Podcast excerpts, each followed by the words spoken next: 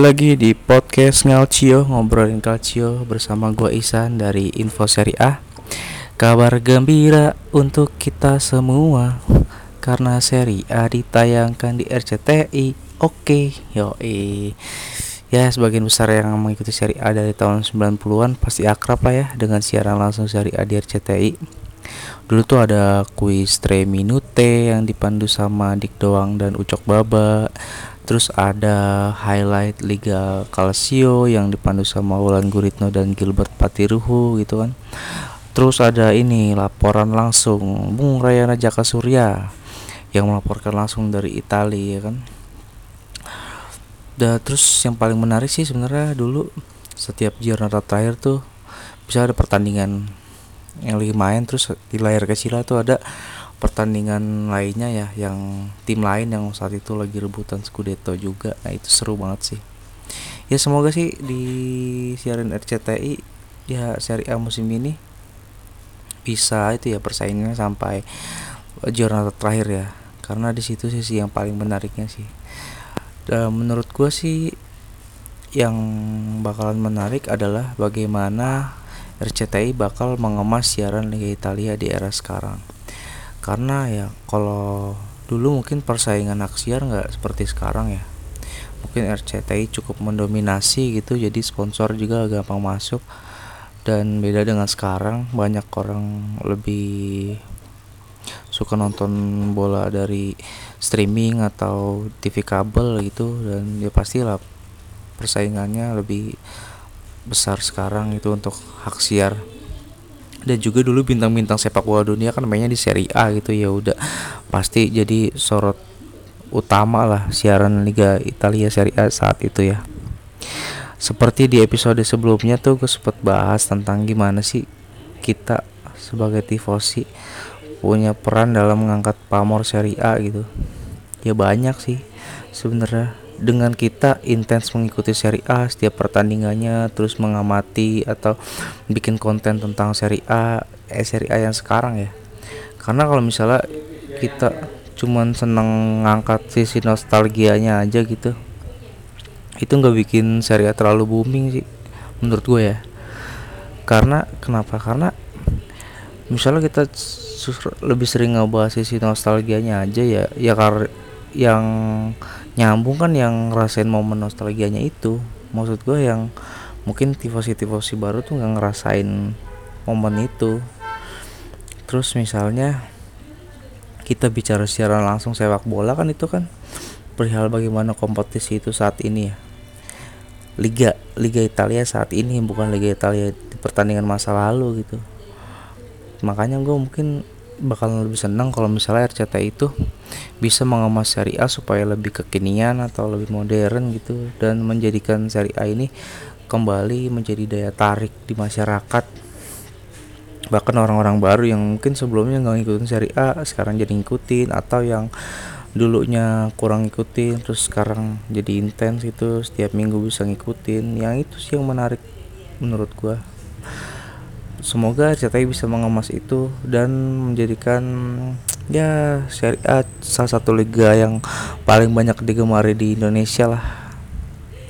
Terus nah ada juga orang yang menanyakan soal mungkin dengan ada nyinyir atau gimana ya gue nggak tahu lah.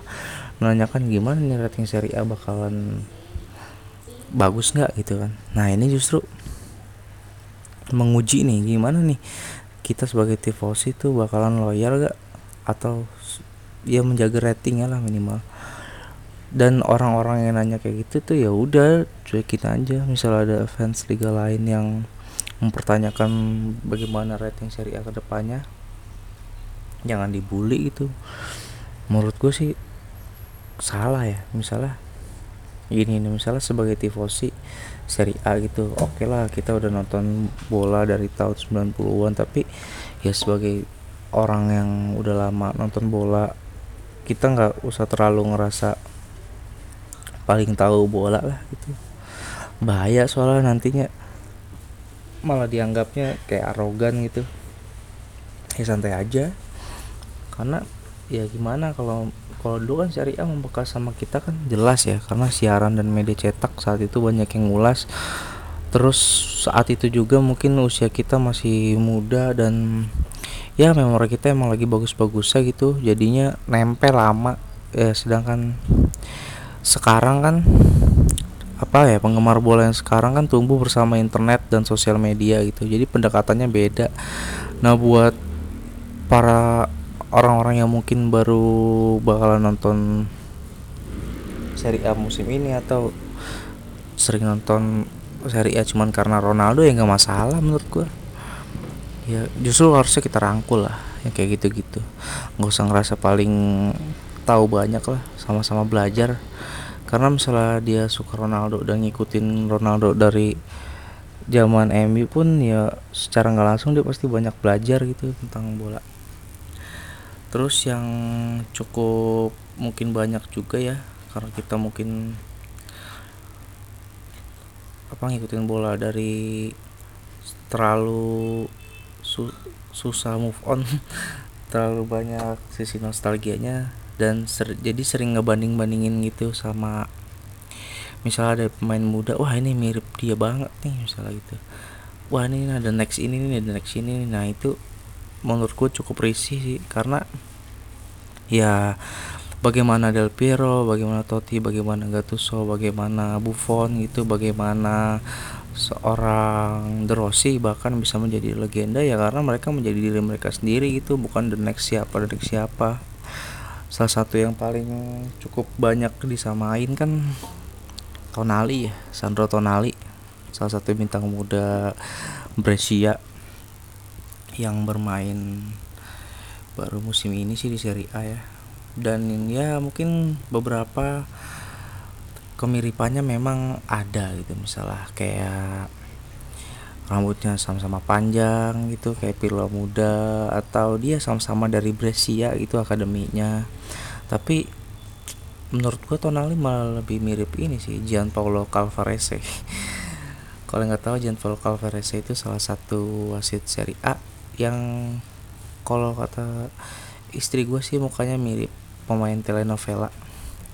Lo googling aja deh Gianpaolo Calvarese pasti lo kenal. Yang mana?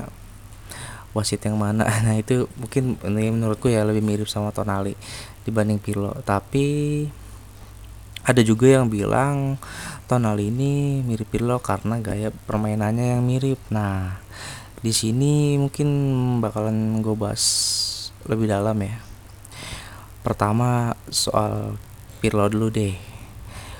Pirlo itu kan kita kenal sebagai maestro ya di lini tengah dan menemukan permainan terbaik itu sebagai di playing playmaker gitu. Si Lipi tuh menganggap Pirlo itu salah satu pemimpin di pertandingan yang tidak banyak bicara lewat mulut ya dan lebih banyak bicara lewat gerakan-gerakan kakinya. Dan si Johan Cruyff salah satu legend sepak bola Belanda pernah bilang kalau Pirlo ini bisa melakukan apa pun dengan kakinya dan dianggap salah satu pemain yang cukup jenius. Nah, Johan Cruyff ini kan jenius ya. Nah, Pirlo ini dibilang jenius sama pemain yang jenius tuh gimana tuh? Double kan? Sebenarnya keistimewaan Pirlo kan soal visi dia ya. Keistimewaannya itu, dia bukan pemain yang atletis, bukan yang gesit gitu, satet-satet, bukan yang energik gitu. Tapi di tengah lapangan dengan kecerdasannya dan akurasi umpannya yang di atas rata-rata, Pirlo tuh seolah bisa mengirim bola ke arah mana pun itu yang dia mau. Hebatnya dia itu sih. Tapi secara perjalanan nih, gimana sih Pirlo bisa menemukan gaya permainannya yang seperti itu ya cukup panjang juga. Dia di di tim Akademi Brescia saat itu sebenarnya posisinya bukan sebagai gelandang tengah atau di playing playmaker ya. Bahkan dia dulu lebih sering bermain sebagai second striker atau tidak jarang juga dijadikan sebagai trequartista gitu. Pemain yang bermain di belakang kedua striker. Nah sebenarnya karena itu juga Inter tertarik merekrutnya ya. Tapi ternyata bakatnya kurang bisa dimaksimalkan di Inter terus dipinjemin ke Regi, Regina sama Brescia sampai pada akhirnya dijual ke Milan dan ya mungkin itu Moratti saat itu pernah mengeluarkan statement ya melepas Pirlo ke Milan itu salah satu dosa terbesar dia saat masih menjadi bos Inter. Tapi kalau dari gaya bermainnya, gimana Pirlo bisa menemukan posisi idealnya dan juga gaya bermain ideal dan juga akurasi akurasi tendangannya itu di biografinya dia banyak mengulas ya dia pernah bilang kalau pelatih yang cukup berpengaruh dalam merubah gaya permainannya itu ada dua Carlo Mazzone dan Carlo Ancelotti Mazzone itulah yang pertama kali menggeser Pirlo untuk bermain lebih ke belakang ya. Bukan sebagai trequartista tapi sebagai di play playmaker. Sekarang saat itu ada Roberto Baggio di posisi itu. Dan ya kita sama-sama tahu lah salah satu pemain nomor 10 terbaik Italia ya selain Del Piero dan Totti ya mungkin Roberto Baggio. Dan ya mungkin Pirlo Pirlo muda nggak mungkin lah menggeser posisi dia. Untuk mendapatkan menit bermain yang lebih banyak ya dia mau nggak mau harus bermain lebih ke belakang. Dan ternyata di posisi di playing playmaker itulah si Pirlo berhasil menemukan gaya permainan terbaiknya. Dan kemudian semakin berkembang saat dia diasuh sama Ancelotti. Uh, sama Ancelotti kan dia lebih banyak diduetin sama Gattuso ya di tengah. Justru itulah yang bikin si Pirlo ini menemukan gaya bermain terbaiknya gitu. Karena dia udah nggak perlu berkonsentrasi untuk bertahan juga. Karena Gattuso itu ditugasin sama Ancelotti untuk menjalankan peran dalam tanda kutip kotor ya di lini tengah Milan saat itu. Dan Pirlo jadi lebih berkonsentrasi untuk mengatur ritme permainan di lini tengah termasuk di timnas Italia 2006 ya ini dua orang inilah yang punya peran cukup penting di tengah Glazuri yang bisa bawa Glazuri meraih Piala Dunia keempat di bawah asuhan Marcelo Lippi ya. Dan ya banyak sebenarnya yang menganggap perpaduan antara Gattuso dan Pirlo ini adalah apa yang dimiliki Sandro Tonali saat ini.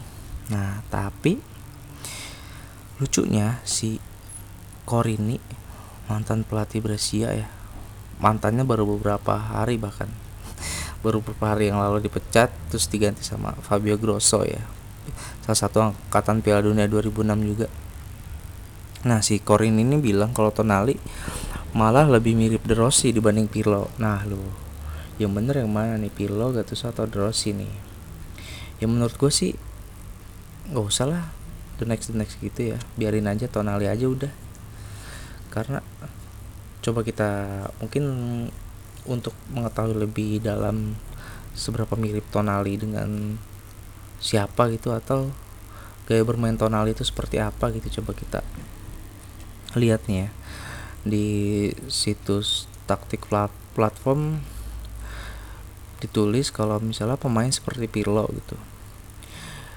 Persentase operan Pirlo sepanjang pertandingan itu hampir 13% dari jumlah total peran yang dilakukan timnya sepanjang pertandingan. Nah, sedangkan Tonali itu maksimal banget cuma 10%. Berarti kan ya karena Pirlo itu kan lebih sentral ya. Mungkin kalau sekarang salah satu pemain yang seperti itu ya Pjanic atau Sari eh Sari, Jorginho gitu di bawah Sari. Karena gini, pemain yang jadi titik sentral dari permainan seperti Pirlo itu kan jadi jembatan antara satu pemain ke pemain lainnya di lini tengah juga jadi jembatan antar lini ya dalam. Nah si Tonali ini sebagai pemain yang menjadi jembatan itu dia kurang sebenarnya perannya. Bahkan si Tonali ini malah lebih banyak melakukan tugas-tugas buat menahan serangan atau intercept gitu yang mirip seperti tugasnya Gattuso lah. Karena dia sendiri mengakui kalau Gattuso itu salah satu gelandang idolanya ya bukan Pirlo. Tapi ya meskipun peran itunya dia menjalankan peran itu ya sebagai penahan serangan atau sering melakukan intercept tuh ya nggak sebagus Gattuso juga sih. Tapi dia dalam hal mengatur ritme dia tidak seperti Pirlo gitu beda. Dan dari jumlah dia menyentuh bola gitu di lini tengah tuh Tonali jumlahnya masih kalah dari De Rossi. Ya mungkin ini masih terus bakalan berkembang ya karena umurnya juga masih muda. Tapi salah satu faktornya yang membuat si Tonali ini gaya bermainnya berbeda gitu dengan Pirlo, Gattuso atau Rossi ya sebenarnya adalah salah satunya taktik Corini sendiri. Karena kalau yang mungkin ngikutin Brescia gitu atau sering nonton beberapa pertandingan lah Brescia ini lebih banyak melakukan operan ke arah sayap gitu. Maksud gua dia mungkin si tonal ini lebih banyak melakukan umpan-umpan yang ke horizontal gitu ke samping atau ke sebelahnya gitu. Berbeda sama Pirlo atau De Rossi yang lebih cenderung banyak melakukan operan vertikal gitu lebih ke depan.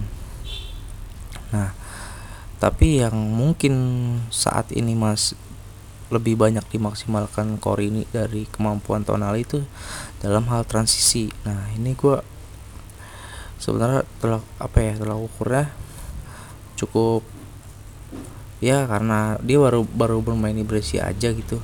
Terus Brescia juga termasuk tim yang bermain lebih banyak bertahan. Tapi dalam hal transisi dari menyerang ke bertahan si Tonal ini punya peran yang lumayan penting. Karena dia punya yang tadi sempat gue bahas dia punya sedikit teknik yang baik gitu. Dalam akurasi umpan atau melakukan set piece dan juga dia punya fisik yang lumayan kuat gitu seperti seperti hal Gattuso ya lebih meskipun nggak fisiknya nggak sekuat Gattuso gitu tapi dia punya kemampuan yang lumayan juga dalam hal menahan serangan lawan melakukan intercept gitu melakukan tackle tackle bahkan. Dia punya fisik yang cukup.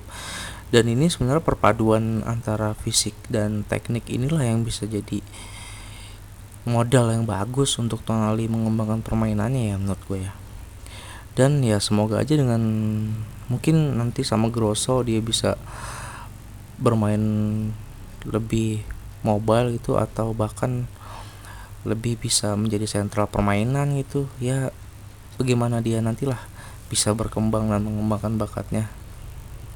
Dan bisa menjadi salah satu legenda seperti para pendahulunya gitu dan gue sih berharap ya Sandro Tonali bisa melegenda sebagai dirinya sendiri gitu bukan sebagai the next siapa lah karena ya regenerasi timnas Italia tahun ini udah mulai jalan lah ya. Di depan udah ada Chiesa di tengah ada Zaniolo terus ada Barella, Sensi dan ya Verratti semakin matang. Itu di belakang ada Bastoni, Mancini, kiper Donnarumma ya inilah saatnya lah untuk kita nah karena seri A udah mulai disiarin nih dan yang harus mungkin yang lebih banyak kita amatin yang di seri A musim ini atau beberapa musim ke belakang dan beberapa musim ke depan ya adalah bagaimana talenta-talenta muda ini berkembang sih. Nah, gue mungkin di podcast-podcast selanjutnya. Bahkan di podcast sebelumnya pun gue sempat bahas tentang player to watch ya. Ya itu sih kita harus mengamati banyak bintang-bintang muda karena kan tahun depan Euro 2020 ya. Ya pasti kalau misalnya kita itu tuh biasanya tuh apa ya kompetisi yang baik itu ya federasi sepak bola itu kan puncak gunung esnya dari tim NASA ya. Kalau misalnya Italia bisa berbicara banyak di Euro 20, 2020 nanti dan kita bisa lebih banyak mengetahui pemain-pemain yang berlaga di Euro nanti karena mereka berlaga di Serie A ya ini otomatis sih. Jadi Serie A bisa jadi salah satu liga yang kembali disorot banyak orang gitu. Karena talenta-talenta berbakatnya bukan karena bukan sekedar hanya nostalgianya aja kayaknya sih cukup di sini aja kali ya. Ya mungkin ada yang punya pandangan lain tentang Tonali atau bintang-bintang muda lainnya bisa nanti kita diskusi lebih ya atau mau join di podcast ini juga bisa. Tinggal DM aja info seri A kapan waktunya nanti kita kondisikan. Oke cukup sekian dari gua. Terima kasih yang sudah mendengarkan dan semoga bermanfaat bermanfaat. Ciao